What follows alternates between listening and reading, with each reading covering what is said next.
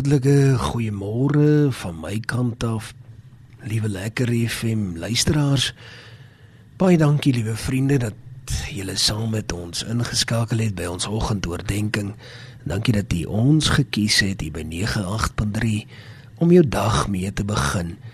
Ek glo dat dit nie net bloot per toeval is dat jy vanmôre gekies het om die frekwensie op 98.3 daar te stel nie. As jy nie by ons is, baie baie welkom. Jou keuse was raakvat. En dalk vanmôre is jy een van ons ou luisteraars, een van ons duisende wat daar buite luister. En jy dink jy doen dit uit gewoonte en ek wil graag vir jou sê die Here het 'n plan. Die Here het 'n plan want hy het altyd 'n plan. En die Here weet wat hy doen. Hy weet hoekom het jy vanmôre ingeskakel en hoekom jy na hierdie spesifieke woord vandag moet luister. Dis mos net in die hande van die Here. Want ons dien mos 'n groot God, 'n alomteenwoordige, alwetende en almagtige God en Hemelse Vader, hy wat die hemel en die aarde geskaap het die God van Abraham, Isak en Jakob en ook my en jou koning en meester vandag. Hy wat aan 'n kruishout gesterwe het en sy naam is Jesus Christus van Nasaret, 'n ou ruwe kruis. Daar het hy sy bloed gestort vir my en vir jou. Dit het gemaak.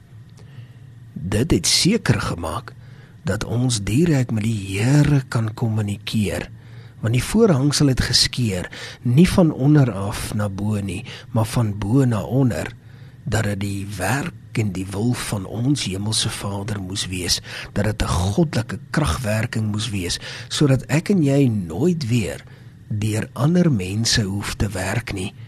Ons hoef nooit deur ander mense na die Here toe te gaan nie. Ons gaan direk na die Here toe onsself en ons werk en ons praat en ons bid en ons pleit by die Here. Ons bou 'n verhouding met die Here onsself. Daar is geen priester wat in die heilige van die allerheiligste moet inbeweeg namens my nie. Nee, ek gaan direk na die hoëpriester toe, die koning van alle konings en sy naam is Jesus Christus, dierbare Jesus. Dan nou ook my Jesus. En vanmôre is dit vir my so 'n wonderwerk dat ons hier voorreg het om uit die Bybel te kan lees. Want die Bybel is geïnspireer. Die woord van die Here is daar tot regwysing, maar ook tot verkoeking en spesifiek ook dan nou die Psalm waarmee ons besig is, is die gewildste skrifgedeelte in die ganse wêreld en in die ganse Bybel. Psalm 23. En ek vind dit so baie dat mense by my sit in my kantoor en vra of ek sal help met 'n begrafnis. En dat hulle skielik moet begin praat oor hulle geliefdes wat aanbeweeg het. En dan vat dit ook nie 100 jaar nie. Dan vra hulle die die gunsteling skrifgedeelte van my moeder of van my suster of van my broer of van my pa of my oupa was Psalm 23 sal jy nie asseblief daaruit met ons praat nie? Dan sit ek en ek wonder. Ek wonder baie maal of ons die volle betekenis die volle krag van hierdie spesifieke skrif werklik verstaan. En dis my begeerte om dan nou ook vir vandag en dalk nog môre 'n bietjie daaroor sal gesels. Ek wil hê jy moet saam met my lees. Blaai vir my jou Bybel. Hier na Psalm 23 en ek wil baie graag vir jou vers 4 lees en dan ook die begingedeelte van vers 5. As jy my sal toelaat, kom ons lees dit saam.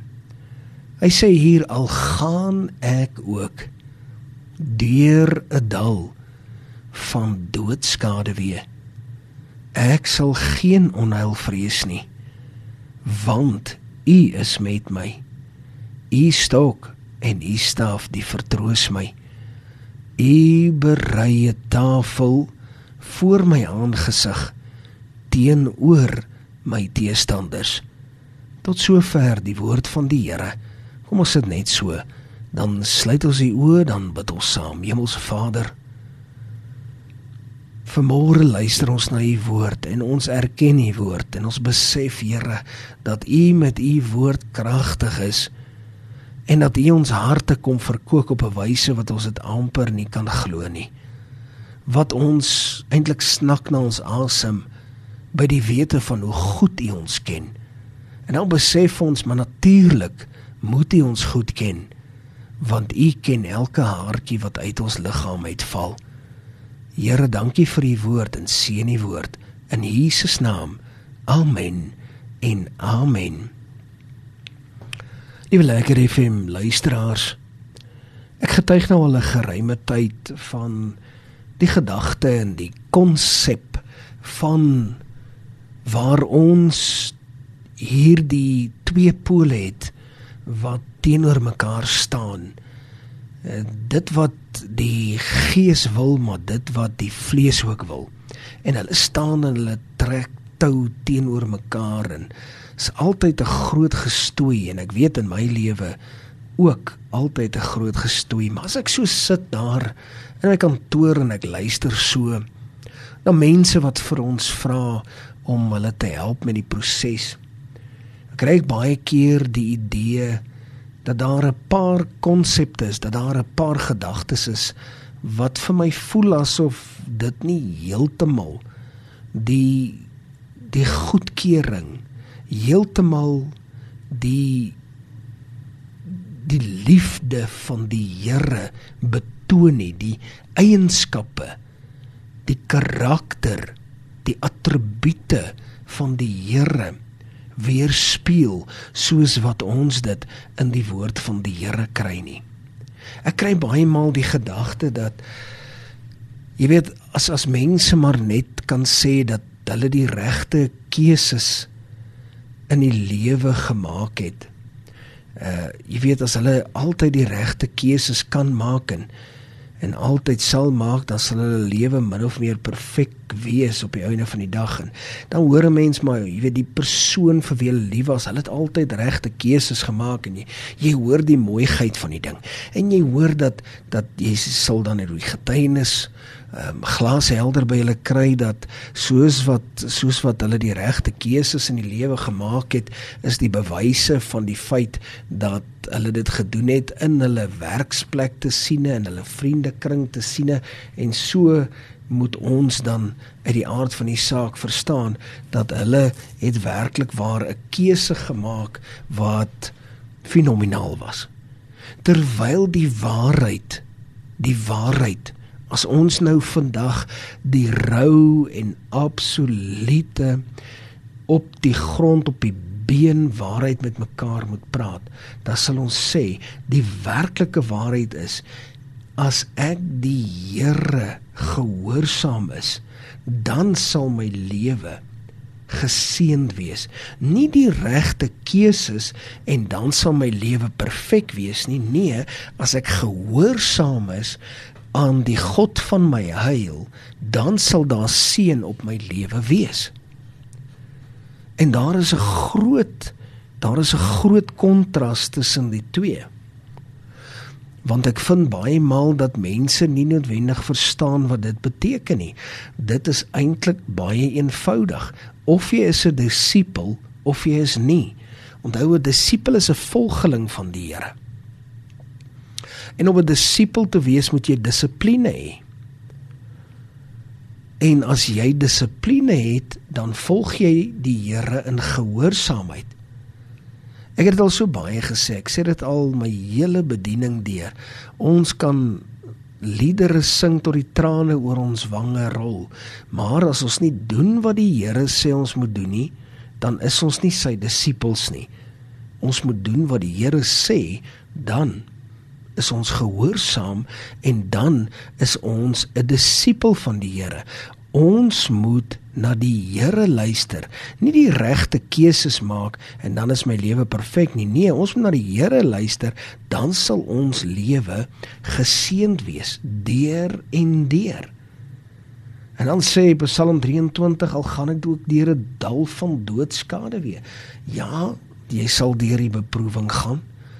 Dit is beproewinge waarvan hy praat. Jy gaan daar deur 'n dal van doodskade wie ek meen die beproewinge is daar. Die beproewinge is daar en en as jy die Here in jou lewe moet gehoorsaam, die beproewinge sal kom en dit sal daar wees sal altyd daar wees.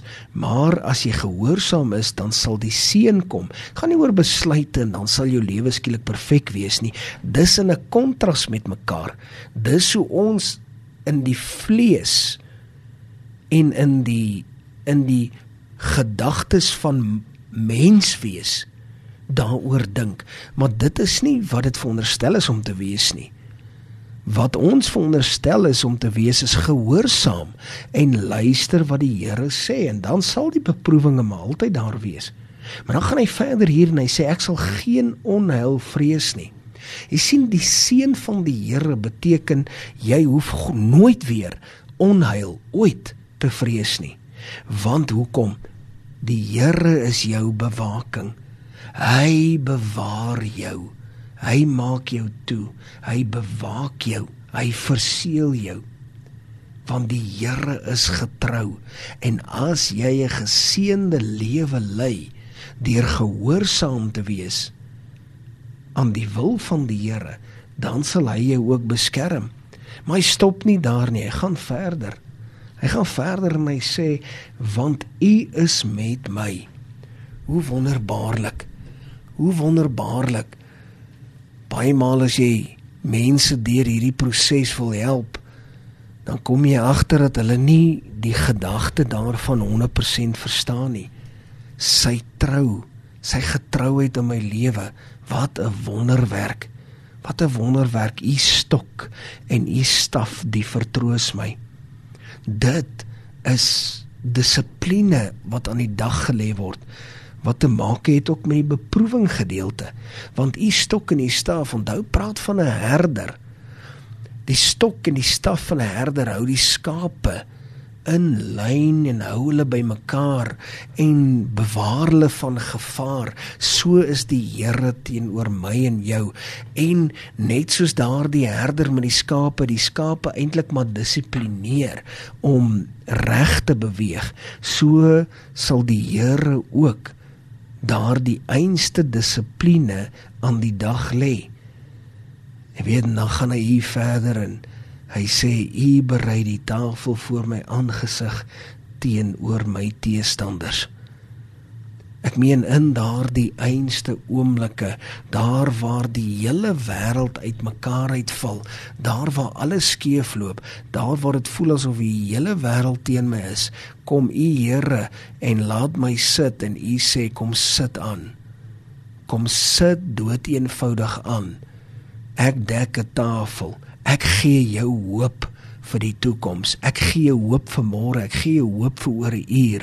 Ek gee jou hoop vir vanaand, ongeag wat vir jou wag om die draai en dat dit moeilik sal wees en dat die dinge vreeslik is. En baie maal is jy besig om daardie stryd te stry terwyl die Here aan jou die hoop gee, terwyl die Here sê kom en kom sit aan.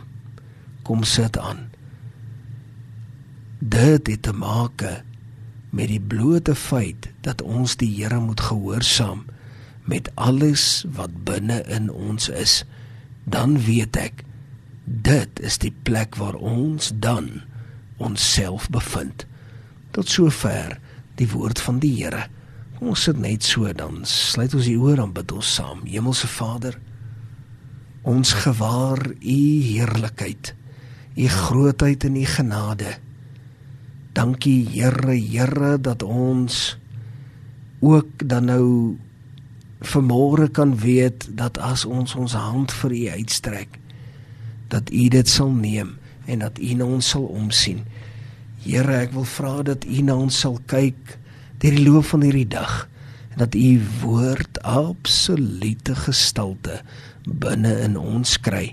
Dit Here is ons gebed en en Vader ons bid dit nie omdat ons dit vir die een of ander manier of op die een of ander manier verdien nie. Nee nee. Alleen vanuit u groot en alom teenwoordige genade. Amen en amen